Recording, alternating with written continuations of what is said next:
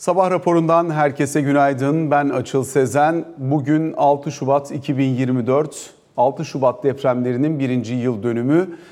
Tüm kayıplarımızı, kaybedilen tüm canları, hayatı değişen herkesi bir kez daha saygıyla anıyor. Herkese kolaylıklar diliyoruz. Türkiye'nin yaşadığı dünya tarihinde görülmüş en büyük deprem felaketlerinden bir tanesi.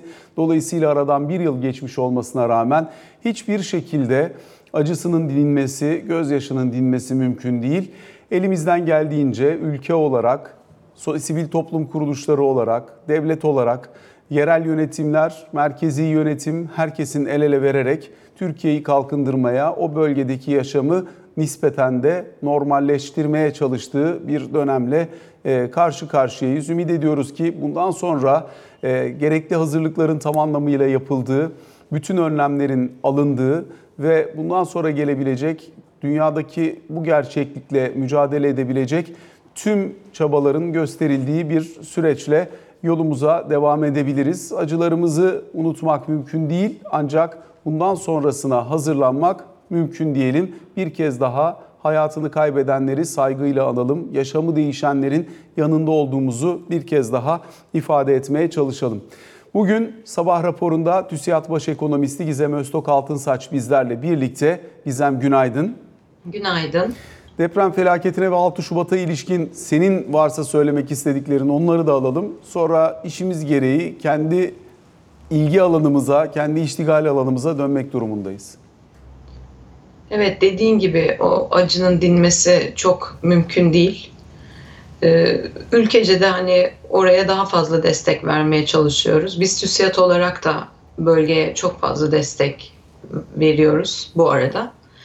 Ee, umuyorum ki ilerleyen dönemde e, bu deprem meselesiyle daha e, ciddi mücadele edebileceğimiz bir süreç yaşarız ki bu kadar ciddi kayıplar olmasın. Deprem ülkesiyiz çünkü. Peki şimdi elbette bundan sonrası için e, hani Türkiye bütün imkanlarını seferber ederek bu e, sorunla mücadele etmeye, o bölgede hayatı yeniden kurmaya, kurgulamaya çalışıyor. Hem kaynak tarafını hem o bölgedeki hayatın normalleşmesi için verilen çabaları biraz değerlendirelim. Çünkü bütçe tarafına baktığımız zaman milli gelirin kabaca %3'ü kadar hem geçen sene hem bu sene için bir e, harcama var. Sivil toplum kuruluşlarının, şirketlerinin bölgeye verdiği destekler var hani hayatın yavaş yavaş biraz daha eskisine doğru dönmeye başladığını, üretimin yine kısmen yavaş yavaş yerine gelmeye başladığını anlıyoruz. Ama tabii çok kolay değil. Özellikle bölgeye aktarılan kaynak ve ilginin yeter, yeterliliği konusunda ne söylersin? Ee, yavaş yavaş hani bölgeye biliyorsun bütçeden e, bir e, meblağ aktarılıyordu. Bunun devam ettiğini zaten görüyoruz e, sivil toplum kuruluşlarının da şirketlerin de bölgeye en baştan e, çok ciddi destekleri, kaynak aktarımları oldu. Bu süreç de devam ediyor. E, bu Marmara depreminden biraz daha farklıydı. Marmara depremi üretimi vurmuştu. Bu barınma kısmını çok şiddetli vuran e, ve çok yüklü kayıpları olan bir deprem oldu. Üretim tarafında e, tabii ki oradaki yaraların sarılması biraz daha kolay oluyor ama barınma tarafında elbette ki süreç hala daha devam ediyor. Eskiye dönme durumu çok mümkün gözükmüyor şu aşamada açıl. Onu söyleyebilirim bu tarz e, büyük sarsıntılar olduktan sonra. E, manevi açıdan zaten çok zor ama maddi açıdan bakıldığında e, bir miktar daha zamana ihtiyacı var gibi gözüküyor bölgenin. Ee, kaynak aktarımı ise devam ediyor. Devam da edecek. Ee, biliyorsun bir de işin hani teknik tarafına bakacak olursak savaş, deprem gibi süreçlerin ardından yeniden bir yapılanma e, oluyor. E, buna maruz kalan bölgelerde. E, tüm dünyada bu iş böyle. E, ve orada ardından hızlı bir ekonomik aktivite yaşanıyor. Ama o sürece biraz daha var gibi gözüküyor e, o bölgemiz açısından bakıldığında gene de yavaş yavaş o toparlanma sürecine zaten hani hemen girmeye çalışılıyordu. Girilmiş içinde yaşıyoruz şu anda ama dediğim gibi önceki döneme dönmek e, zaman alacaktır. Yani neresinden baksanız 3-5 yıla ihtiyacınız var. O da maddi açıdan. Tabii manevi tarafına değinemiyorum ister istemez. Peki Gizem ister istemez biz de kendi gündemimize dönmek durumundayız. Burada geçtiğimiz hafta sonu yaşanan gelişmelerle ilgili bir görüşünü almak isterim. E, Türkiye Cumhuriyet Merkez Bankası Başkanı Hafize Gaye Erkan'ın Cuma günü itibariyle görevden affını istediğine dair açıklama. Daha sonrasında e, aynı günün gecesi resmi gazetede e, yayınlanarak yeni başkanın başkan yardımcısı Sayın Fatih Karahan olduğuna dair e, bilgiyi almış olduk. Bundan sonrası için bir başkan değişikliği adına ne söylersin? Çünkü başından itibaren seninle de bu konuyla ilgili konuşurken hani işin bu haber akışı boyutunun bir an evvel sonlanması, işimize gücümüze bakabileceğimiz bir aşamaya gelinmesi, herkesin kendi günüm, gündemine dönebilmesinin öneminden çokça bahsetmiştik. Ee, şimdi geldiğimiz noktada e, bir görev değişikliğiyle yola devam ediliyor. Nasıl değerlendiriyorsun? Olumlu değerlendiriyorum görev değişikliğini öncelikle. Ee, Çünkü dediğim gibi kurum belli süreçlerden zaten uzunca bir süredir yıpranıyor Merkez Bankamız.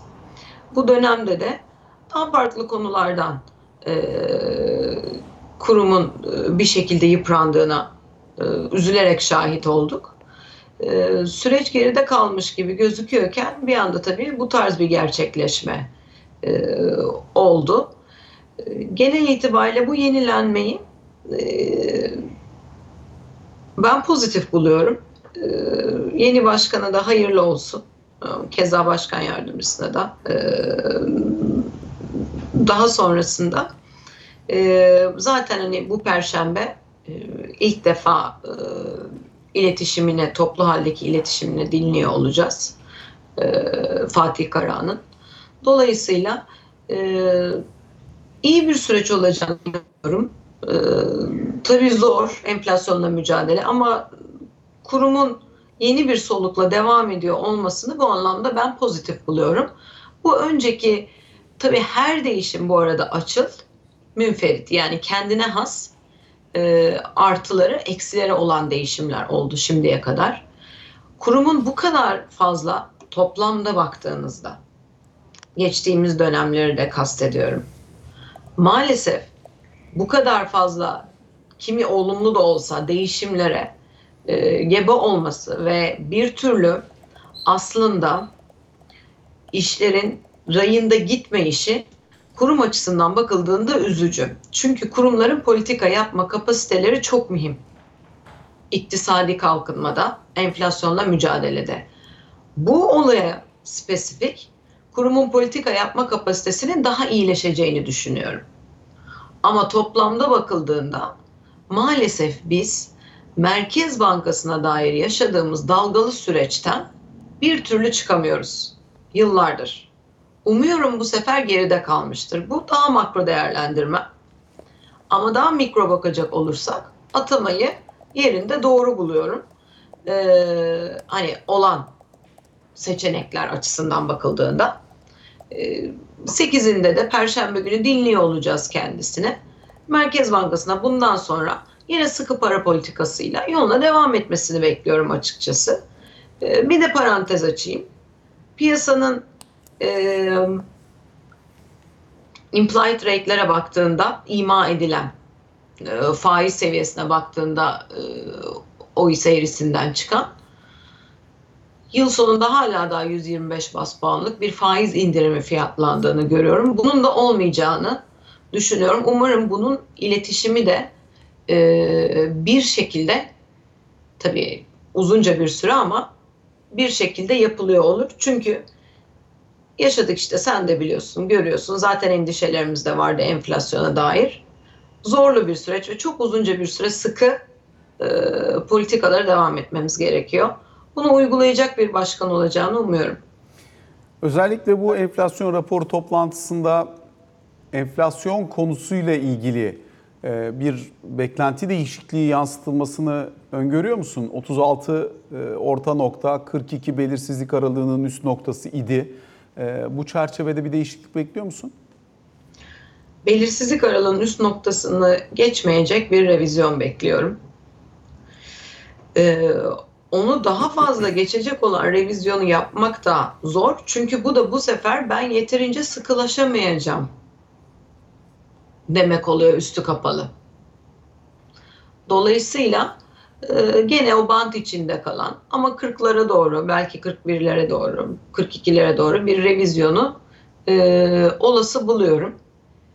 Biraz Merkez Bankası'nın hem likitte yönetimiyle ilgili hem e, faiz aracıyla ilgili hem makro ihtiyati araçlarla ilgili biraz daha detaylı yönlendirme yapacağını umuyorum. Bekliyorum diyemiyorum. Yapması gerektiğini düşünüyorum. E, çünkü dün de şahit olduğumuz gibi enflasyonun trendi yeniden bozulmuş durumda. E, ama beklediğimiz bir şeydi zaten. Seninle konuştuğumuz da bir şeydi. E, dolayısıyla para politikasına ilişkin bir iletişim kanalının son derece doğru yapılması, daha uzun soluklu olması gerektiğini düşünüyorum. İkincisi de atılacak olan adımları zaten izliyor olacağız e, ay sonunda. Bunun dışında da e, topyekün iktisadi politikalarda maliye politikasıyla para politikasında daha uyumlu çalışacağı e, bir sürece girdiğimize inanıyorum açıkçası. E, bunu tabii zaman gösterecek. Yani maliye politikası daha uzun soluklu biliyorsun. Onu belki birazcık daha seçim sonrası dönemde görürüz. Ama e, benim para politikasında doğru zamanda doğru adımların atıldığına dair zaten şüphem vardı. Yön doğru ama miktar ve zamanlamada problem var. Umuyorum o süreci geride bırakırız. E, çünkü biz yavaş adımlar atarak risk aldık. O aldığımız riskin sonuçlarını şu anda yaşıyoruz. Ee, umuyorum bu biraz daha fark edilerek daha hızlı e, adımların geldiği bir sürece girmiş oluruz diye düşünüyorum. Onun da yönlendirmesini açıkçası bekliyorum. Bakalım iç talebi nasıl okuyorlar? E, ücret geçişkenliklerini nasıl okuyorlar? E, evet enflasyon düşecek. O kesin. Çünkü Mayıs'taki doğalgaz ayarlamasından sonra onun dışarıda kalmasıyla e, bir farklılaşan görüntü var. E, ama düştüğü yer konusunda bakalım merkez yeni senaryolarında neler düşünüyor. Bence önemli olacak 8'e bu anlamda. Perşembe günkü Merkez Bankası enflasyon raporu iletişim toplantısı. Peki şimdi bir yandan da Merkez Bankası'nın attığı yeni adımlar var. Bu adımlardan bir tanesi uzunca bir süredir seninle de daha önce konuşmuştuk. Ee, bankaların e, Merkez Bankası'na tuttukları zorunlu karşılıklara bir NEMA e, ödemesi beklentileri vardı. E, bunun gerçekleştiğini görüyoruz hafta sonu yapılan düzenlemeyle birlikte fakat çeşitli kriterler getirilerek yapıldığını anlıyoruz. Dolayısıyla aslında piyasaya ekstra likidite getirmekten ziyade bir miktar daha mevduat faizlerini de yukarıda tutma amacını e, içeren bir şekilde mimarisi tasarlanmış diye anlıyoruz. Nasıl değerlendiriyorsun atılan zorunlu karşılıklara ödeme yapılması adımını? Piyasanın istediği bir şeydi zaten. E, dolayısıyla beklendiği şekilde hatta uzunca bir süredir zaten talep ettiği bir şeydi. E, pozitif buluyorum gelmiş olmasını da. E, dediğin doğru ama bu mevduat faiziyle ilgili konuda açıl aktarım mekanizmasında biraz sorun yaşanıyor. Piyasada fazla likitte kaldığı için. E, bu adım da bence pozitif ama biraz daha fazla likitte yönetiminde adım atılması gerektiğini ve aktarım mekanizmasının tam çalışması gerektiğini düşünüyorum. Yani faiz seviyesinin 45'in altında oluşmuyor olması gerekiyor. E, dolayısıyla mevduat faizinin de daha yüksek seviyede e, gerçekleşmesi gerekiyor. Kademe kademe bence oraya gidiyoruz. Bu önümüzdeki iki haftalık vadede de e, bunlara yönelik adımların geleceğini olası buluyorum bu arada. Yani faizi faiz arttırımı dışında e, özellikle mevduat faizini yukarıda tutacak adımların gelmesini muhtemel buluyorum. Peki yine bir sonraki aşamaya geçtiğimiz zaman bu likidite yönetimi adına gelebilecek yeni adımlar neler olabilir? Depo ihalelerinin bir miktar belki yükseltilmesi midir? Likidite riski önümüzdeki dönemde e, risk olacak şekilde daha büyük bir risk olarak karşımıza çıkacak şekilde devam mı edecek yoksa zaten otomatik olarak bir miktar azalmaya başlayacağını e, öngörmek de çok yanlış olmayabilir. Özellikle swap fonlamasının da bir miktar azalacağı noktasından hareketle. Ne dersin? Evet evet doğru. Zaten Merkez Bankası'nın olaya yaklaşımı bu likiditenin geçici olacağı yönünde. Fakat süreç uzuyor. Dediğim gibi gün sonunda haklı olabilirsiniz ki bence de geçici olacaktır ama bu süreci daha sıkı yönetmek gerekiyor. Yani geçici olması süreci daha sıkı yönetmeyeceğiniz anlamına gelmemeli bence enflasyon bu kadar yüksekken. Ee, bu birincisi. Ee, ikinci konu o tarz bir likitte riski oluşacağını düşünmüyorum açıl piyasa. Yani ben tabii likitte riskinden anladığım şey başka bir şey. Senin sürekli olarak fazla likittenin piyasada kalmasından bahsediyorsun anladığım kadarıyla tabii, yoksa tabii. Bizim likitte riski olarak anladığımız şey bu değil. Ee, ama gene de o tarz bir risk görmüyorum. Ee, onu da söyleyebilirim. Muhtemelen depo aracılığıyla yapacaktır. Hani e, belki gene munzam ayarlamaları gelebilir. E, bu da faizi belli bir seviyede yukarıda tutuyor çünkü. E, onu da olası buluyorum. E, ama evet bu likitte fazlalığı e, bahsettiğin sebeplerden geçici olacak ama oraya gelene kadar e, bir sıkılaştırma e, yapılmasına engel teşkil eden bir durum yok. Hatta yapılması gerektiğini de düşünüyorum. Böyle sürekli olarak ince ayarların yapıldığı buna ihtiyaç var şu anda. E, bir politika e, seti gerekliliği görüyorum. Onun ötesinde de bu mikro düzeyde daha geniş kapsamlı bir dezenflasyon programına ihtiyacımız var gibi de gözüküyor bu arada. Şunu kastediyorum. Var olan politika setiyle sadece aslında para politikası üzerinden gittiğini söylesem çok yanlış olmaz. Ee, enflasyon bir yere kadar düşüyor olacak. Fakat o yerin altına kolay gelmeyecek. Ben 50 seviyesinin altında kolay kolay kalıcı bir enflasyon göremiyorum hala da. Var olan hem fiyat dinamikleri açısından hem ücret dinamikleri açısından hem iç talep açısından hem de Merkez Bankası'nın politika dizaynı açısından. Dolayısıyla daha detaylı bir programa ihtiyaç var gibi gözüküyor. Ee, benim okumam bu yönde ama şimdi izleyip göreceğiz para politikasında atılacak olan adımları. Belki düşündüğümüzden daha sıkı bir süreç olur. Bak mesela tüketici kredilerinde yeniden artış var. Bireysel kredi kartlarında yeniden bir hızlanma var. Ee, dolayısıyla e, Merkez Bankası bu konulara e, ve data bizlerden çok daha hakim. Bunları da zaten görüyor. Dolayısıyla buralarda da ileriye adres ederek adım atılmasından ziyade e, ne adım atılacaksa bugün yapılması gerektiğini düşünüyorum. Ama dersin ki siyasi hassasiyet seçim yapılamıyor. İşte o noktada da zaten ben diyorum ki 50 seviyesinin altına kalıcı olarak düşürebilecek bir ortamı henüz görmüyorum.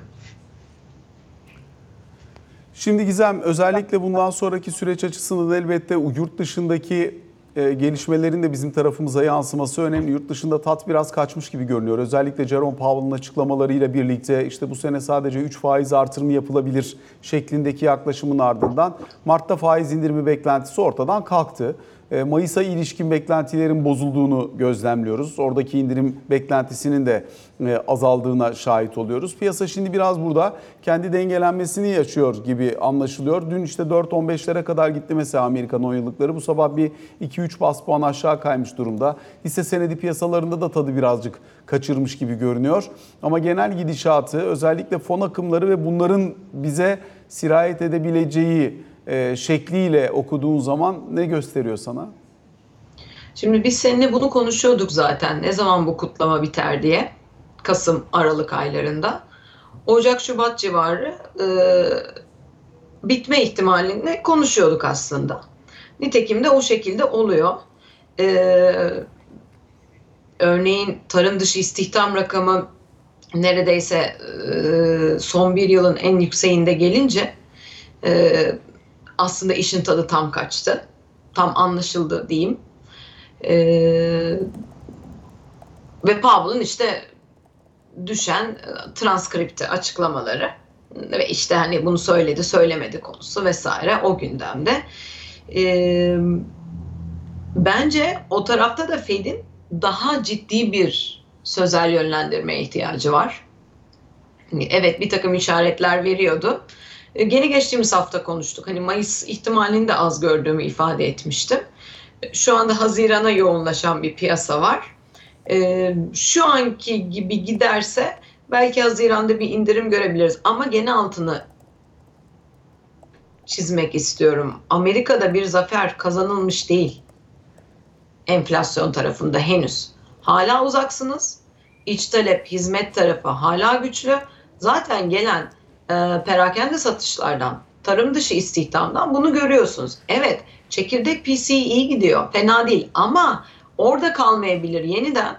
Yani talep dinamikleri hala iyi Amerika'da ve Amerika bir soft landing dahi yaşamıyor. Bak dün IMF e, tahminlerine öyle çok prestijli bulmam ama IMF'nin ABD büyümesini e, bu yıl için bir buçuk bekliyordu. 2.1'lere kadar yükselttiğini görüyoruz 2024 için.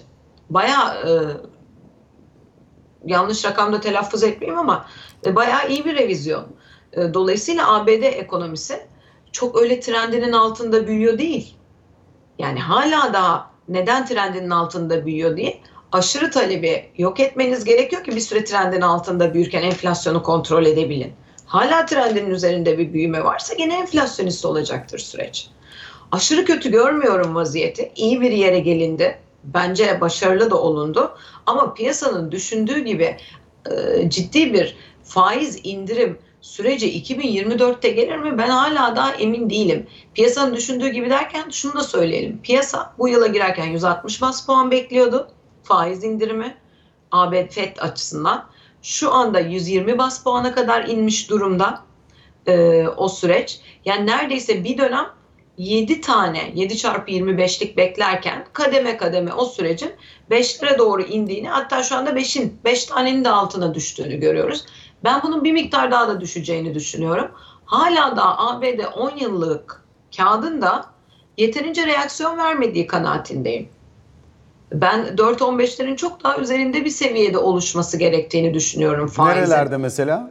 4.50'nin e, üzerinde 5'lere doğru açılıyor. Yani 4.70'lerin üzerinde oluşuyor olması gerekiyor bence. Sebebi de şu. Hemen geri saralım. Fed ne dedi? Finansal koşullardaki sıkılaşma benim görevimi yapıyor zaten dedi. Benim haykımı ikame, ikame ediyor dedi benim faiz arttırımı. Sonra ne oldu? Muazzam bir finansal koşullarda sıkılaşma oldu beklentilerde. Kasım, Aralık, Ocak. Şimdi onun birazcık yukarıya doğru kaydığını düşünüyorum. Ama e, hala da finansal koşullar bir anda gevşemiş ve o süreç devam ediyor durumda. Artı hisse senetlerinin de Amerika'da aktarım mekanizmasında yeri var. Oradaki hızlı yükseliş de gene e, refah etkisi olarak e, piyasaya geçiyor. Bütün bunları topladığında e, eğer ki şunu da hani ben ABD ekonomisti değilim. O yüzden birazcık daha kontrollü konuşmaya çalışıyorum ama böyle erken faiz indirimleri gelirse Mayıs'ta vesaire tam böyle emin olunmadığı bir süreçte e, bence hata edilmiş olur. Onda ancak bir yıl sonra gene enflasyonda ikiye gelinemiyor'yu konuştuğumuz zaman görüyor oluruz. Toparlayayım. E, ben Fed'in bile kendi söylediği kadar Daviş diyeyim, yani güvercin diyeyim, olabileceğinden emin değilim. Ama şu anda Haziran ve 3 tane faiz indirimine piyasa alışmaya çalışıyor. Ee, Powell'ın yönlendirmesiyle. Gizem, burada e, özellikle uluslararası fonların Türkiye'ye bakışı açısından da bu süreç elbette önemli olacak. Biraz belki bunun detayı üzerine de konuşalım. Çünkü e, fonlar hem yurt dışındaki koşullara bakarak elbette yatırım kararı alıyor. Hem de aynı zamanda e, buradaki değişimlere, buradaki olup bitenlere de bakarak e, bir takım e, pozisyonlanmaları alıyor ya da tersine çeviriyor. Bu çerçevede hem bizdeki başkan değişikliği sonrasında gelen uluslararası raporları hem de bu konjonktür içerisinde bunun yansımalarını nasıl değerlendirirsin? Çünkü yabancıların daha şahin bir merkez bankası beklentilerini dile getirdiğini anlıyoruz. Bu başkan değişikliğinden sonra. Evet orası net ee, ve çıkan raporların hepsinde konsensus yani bir konsensus mevcut ee, pozitif ee, geleceğe dair de olumlu içerikleri olan raporlar gördük hızlı bir şekilde. Tabii yeni başkanın birebir toplantılarda yaptığı görüşmelerden de hani Şahin olduğuna kani olan bir piyasa var anladığım kadarıyla. E, dolayısıyla e, bir kademe daha bence olumluya döndük. Flow çekme anlamında ama izleyip göreceğiz açıl yani dediğim gibi Perşembe günkü iletişime bakacağız. E, PPK'da nasıl bir sonuç alınacak ona bakacağız. E, artı Mart başında da e, gene yatırımcılar Türkiye'ye geliyorlar çeşitli yatırım bankalarıyla seçim öncesi dönemde. E, biz biliyorsun e, bu ücret ayarlamaları ve enflasyonun yeniden bozulacağını anlamadan evvel Ocak ayında, Şubat ayında iyi bir flow bekliyorduk. Seninle konuşuyorduk. Biz derken senle ben konuşmalarımızı kastediyorum. E, ardından da o süreç sekteye uğramıştı. E, şimdi bence birinci çeyrek geride kalıyor. Flow çekme anlamında. Ama global taraf e, 2024'te destekleyici. Yani global piyasalardaki e, majör merkez bankaların faizlerinde zaten gevşeme olacak. Bu cepte. Ve bu süreç destekleyici IM'lere olan flow açısından bakıldığında. E, bence Türkiye buradan payını alır, doğru adımları atarsa, adımları daha hızlı atar ve yatırımcıları daha da e, hızlı ikna edebilirse, çünkü biz ikna ettik bu arada belli bir noktaya kadar. E, bu süreç devam ederse ben Türkiye'nin yeniden akım çekeceğini seçim sonrası dönemde e, açıkçası bekliyorum. E, ama dediğim gibi birazcık daha şu bir iki ayı görmemiz gerekecek gibi gözüküyor. E, var olan vaziyette. Ha bakarız 2-3 hafta içinde daha enflasyonla mücadelede bir adım daha sıkı bir politika dizaynıyla karşılaşırız. O zaman seçim öncesinde de bence yeniden akım çekme ihtimalimiz artar. Ama Fed'in de biraz öteliyor olması açıl süreci bence Mart sonrasına taşıdı IM'ler açısından. Gelişmekte olan ülkelerin e, gelen fon akımları açısından. Yılın totali için pozitifim ama bu konuda. Gizem Öztok Altın Saat çok teşekkür ediyoruz. Yayınımıza katıldığın, sorularımızı yanıtladığın için kısa bir araya gideceğiz. Sonrasında ikinci bölümde Ali Can Türkoğlu ile karşınızdayız.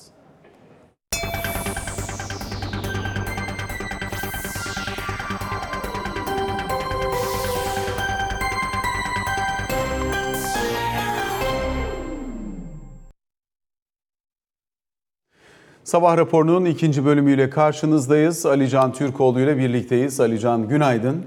Günaydın. 6 Şubat'a ilişkin varsa senin aktarmak istediklerin bir hızlıca onunla başlayalım. İşte çok insanın içinden günaydın demek istemediği bir gün ne yazık ki. Bir kez daha tüm Türkiye'nin eee, başı sağ olsun.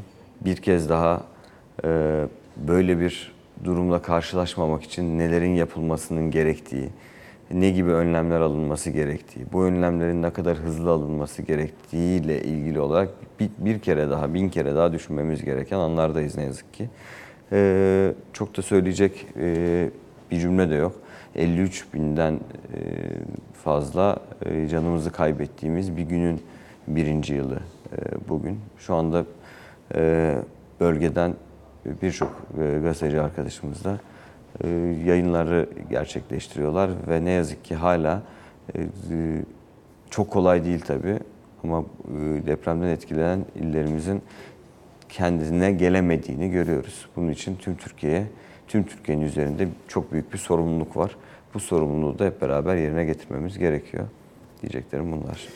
Tekrar ister istemez kendi işimiz gereği gündemimize dönmek durumunda kalıyoruz. Ee, Biraz daha dış politika ağırlıklı bir e, Ankara gündemi var. Siyaset zaten kendi içerisinde belediye seçimlerini çok fazla tartışıyor ama uluslararası diplomasi anlamında önemli dönemeçlerden geçtiğimizi söyleyebiliriz. Birincisi İsrail-Hamas çatışmasında bir e, hani ateşkes olur olmaz tartışması vardı. E, Bugün gelen açıklamalara baktığımızda özellikle İsrail tarafı İsrailli e, rehinelerin serbest bırakılması ile ilgili talepler e, kabul edilebilir durumda olmadığı için şu aşamada e, herhangi bir ateşkes olması kolay görünmüyor diye açıklama geldi. Blinken'ın zaten bölgede bir kez daha Amerikan Dışişleri Bakanı'nın tur yaptığını biliyoruz. Nedir son gündem orada? Ee, Beşinci kez Orta Doğu turuna çıktı. ABD Dışişleri Bakanı Suudi Arabistan'daydı. Ee, Mısır'a, Katar'a, İsrail'e ve Batı Şeria'ya gidecek e, son gelen bilgilere göre eğer son anda program değişmezse. Bu kapsamda belirli noktalarda özellikle e, çatışma sonrası bu operasyonlar, saldırılar sonrasında e, Gazze'nin statüsüyle ilgili olarak İsrail ile Amerika Birleşik Devletleri arasında bir takım fikir uyuşmazlıkları olduğunu biliyoruz. Ancak e, İsrail'in de son sürat e, vazgeçmeden e, bölgedeki saldırılarını devam ettirdiğini görüyoruz. Bu kapsamda özellikle geçtiğimiz hafta içerisinde e, İsrail ile Hamas arasında yürütülen bu arka kapı e, diplomasisinin e, bir ateşkese ateşkesi beraberinde getirebileceği yönünde çok büyük beklentiler vardı. Hatta daha uzun süreli bir ateşkes olacağı, e, bu ateşkes sırasında da e, esir takasının da gerçekleşmesiyle ilgili olarak bu kapsamda ama görüşmeler sürdürülüyor. Yani hem diğer ülkelerin İsrail ile görüşmeleri hem de bir yandan Hamas'ın özellikle Katar ve Mısır üzerinden yapmış olduğu görüşmeler Türkiye üzerinden ki geçen hafta e, Haniye ile Hakan Fidan arasında da görüşmeler oldu hatırlanacağı gibi. Ancak şu anda bir çözüme gidecek mi en azından bu yönde bir açıklama gözükmüyor kalıcı çözüm anlamında. E, Ancak işte özellikle e, dünyadaki birçok ülke iki devletli çözüm üzerinde e, yoğunlaşılması gerektiği yönündeki açıklamaları da sürdürüyorlar. Bu arada evet Blinken turda ama e, bir yandan da Amerika Birleşik Devletleri ile Türkiye açısından bakıldığında temas devam ediyor birçok başlıkla ilgili olarak. Şimdi bir bir yandan Amerika ile İran arasındaki gerginliğin büyümemesiyle ilgili görüşmeler sürdürülüyor ki bu konuda Dışişleri Bakanı'nın açıklamaları da var. E, kontrollü bir gerginlik varmış gibi gözüküyor ama yani bu ateş bir yangına dönüşebilir. O yüzden e, dikkatli davranılmalı yönünde. E, bölgede ufak çaplı çatışmaların sürdüğünü biliyoruz. Ama onun dışında Ankara-Washington arasında özellikle bir F-16'lar ki NATO İsveç'in NATO süreciyle bağlantılı bir başlıktan bahsediyoruz. E, iki F-35'ler burada da S-400 ile bağlantılı bir konudan bahsediyoruz. Bunlarla ilgili e, görüşmeler sürdürülüyor. E, muhtemelen F-16 ile ilgili son onay cumartesi günü e, gelecekmiş gibi planlanıyor. En azından Ankara'nın düşüncesi bu yönde. Cumartesi günü Washington'dan Ankara'ya bu konuyla ilgili olarak olumlu açıklamanın gelmesi bekleniyor Ankara'da. F-35'lerle ilgili olarak evet S-400 ve F-35'in birbiriyle bağlantılı olduğu ee, ancak ABD tarafından özellikle S-400'lerle ilgili olarak Türkiye'nin bir adım atması durumunda F-35 programına yeniden alınabileceği ile ilgili bu cümlelerle söylenilmese bile e, bu yönde açıklamalar gelmeyi sürdürülüyor, sürü- sürüyor. Bu F-35 konusunda da özellikle e, Türkiye'nin maddi zararının tazmini açısından e, çok hızlandırılmış çalışmalar ve görüşmeler olduğunu söyleyebilirim dışişleri kaynaklarına dayandırarak. Bu kapsamda bu konuyla ilgili olarak da önümüzdeki süreçte e, yeni bir açıklama gelebileceği söyleniyor. Türkiye-Amerika ilişkileri anlamında. Bu arada İsveç'in NATO konusuna girdim. Orada şöyle bir durum var. E, Şimdi zannediliyor veya düşünülüyor ki Türkiye'den e, İsveç'e onay çıktıktan sonra süreç tamamlanıyor. Hayır, hala Macaristan'daki kriz devam ediyor. E, Dün Macaristan Meclisi'nde aslında arada Macaristan Meclisi ancak muhalefet partilerinin talebi üzerine bir İsveç özel oturumu düzenlenecekti. Ancak iktidar partisi milletvekillerinin protesto etmesi sebebiyle bu görüşme gerçekleştirilmedi. İktidar da şunu söylüyor. Nasıl İsveç daha öncesinde İsveçli yetkililer e, onay için Türkiye'ye gittiler. Onay için Macaristan'a da gelmeleri gerekiyor diye. Orban'ın hatta e, İsveç Başbakanı'na yazmış olduğu Ocak sonunda yanlış hatırlamıyorsam 23 Ocak'ta yazmış olduğu bununla ilgili bir mektup da var. Ancak İsveç tarafı da buna direniyor. Hatta İsveç Dışişleri Bakanı'nın da Orban'ın bu mektubuna tepki gösterdiğini hatırlıyoruz. Dolayısıyla İsveç'in e, NATO süreci, NATO üyelik süreci e, zamanında beklendiği gibi Türkiye'den değil şu anda Macaristan üzerinden durduruluyor, duruyor gibi gözüküyor. Ne zaman nasıl onaylanacak, nasıl görüşmeler olacak bunlara da bakacağız. Bu arada dış politikada e, 12 Şubat'ta e, Putin'in bir Türkiye ziyareti olacak. 14 Şubat'ta Erdoğan'ın bir Mısır ziyareti olacak. Dolayısıyla hem Türkiye-Rusya ilişkilerini bir tarafa bırakırsak e, bölgesel politikalar anlamında özellikle Rusya-Ukrayna savaşı ve İsrail konusuyla ilgili olarak burada yapılacak görüşmeler önemli. Mısır ziyaretinde ise Türkiye-Mısır normalleşmesi kapsamında hem e, önümüzdeki süreçte başta enerji konusu olmak üzere ne gibi ortak projeler yürütülebileceği hem de savunma sanayi konusunda e, Mısır'ın da Türkiye'den insan hava araçları alma yönünde bir talebi e, olduğunu görüyoruz. Dolayısıyla bu Şubat ayının 12'si ve 14'ünde yapılacak iki görüşme sadece Türkiye, Rusya ve Mısır açısından değil aslında bölgedeki tüm ülkeler hatta tüm dünya tarafından sonuçları merakla beklenen görüşmeler olacak. Mesela bu konuyla ilgili olarak Birleşmiş Milletler'den bu yönde bu minvalde bir açıklama geldi. Ee, Putin'in Türkiye ziyareti sonrasında yapılacak açıklamaları e, yakından takip ediyoruz diye. E onun dışında Avrupa Birliği konusu var. Borrell'in açıklamaları vardı geçtiğimiz gün. Üye ülkelerin Türkiye ile daha yakın ilişkiler kurulması konusunda hemfikir olduğunu söyleyebilirim yönünde. Ama buradaki durum Ankara'nın beklentisi vize serbestisi. Vize serbestisi konusu böyle çok kısa süre içerisinde e, onaylanacak, çıkacak bir konuya da benzemiyor. Önümüzdeki günlerdeki gelişmelere bağlı olduğunu söylüyor.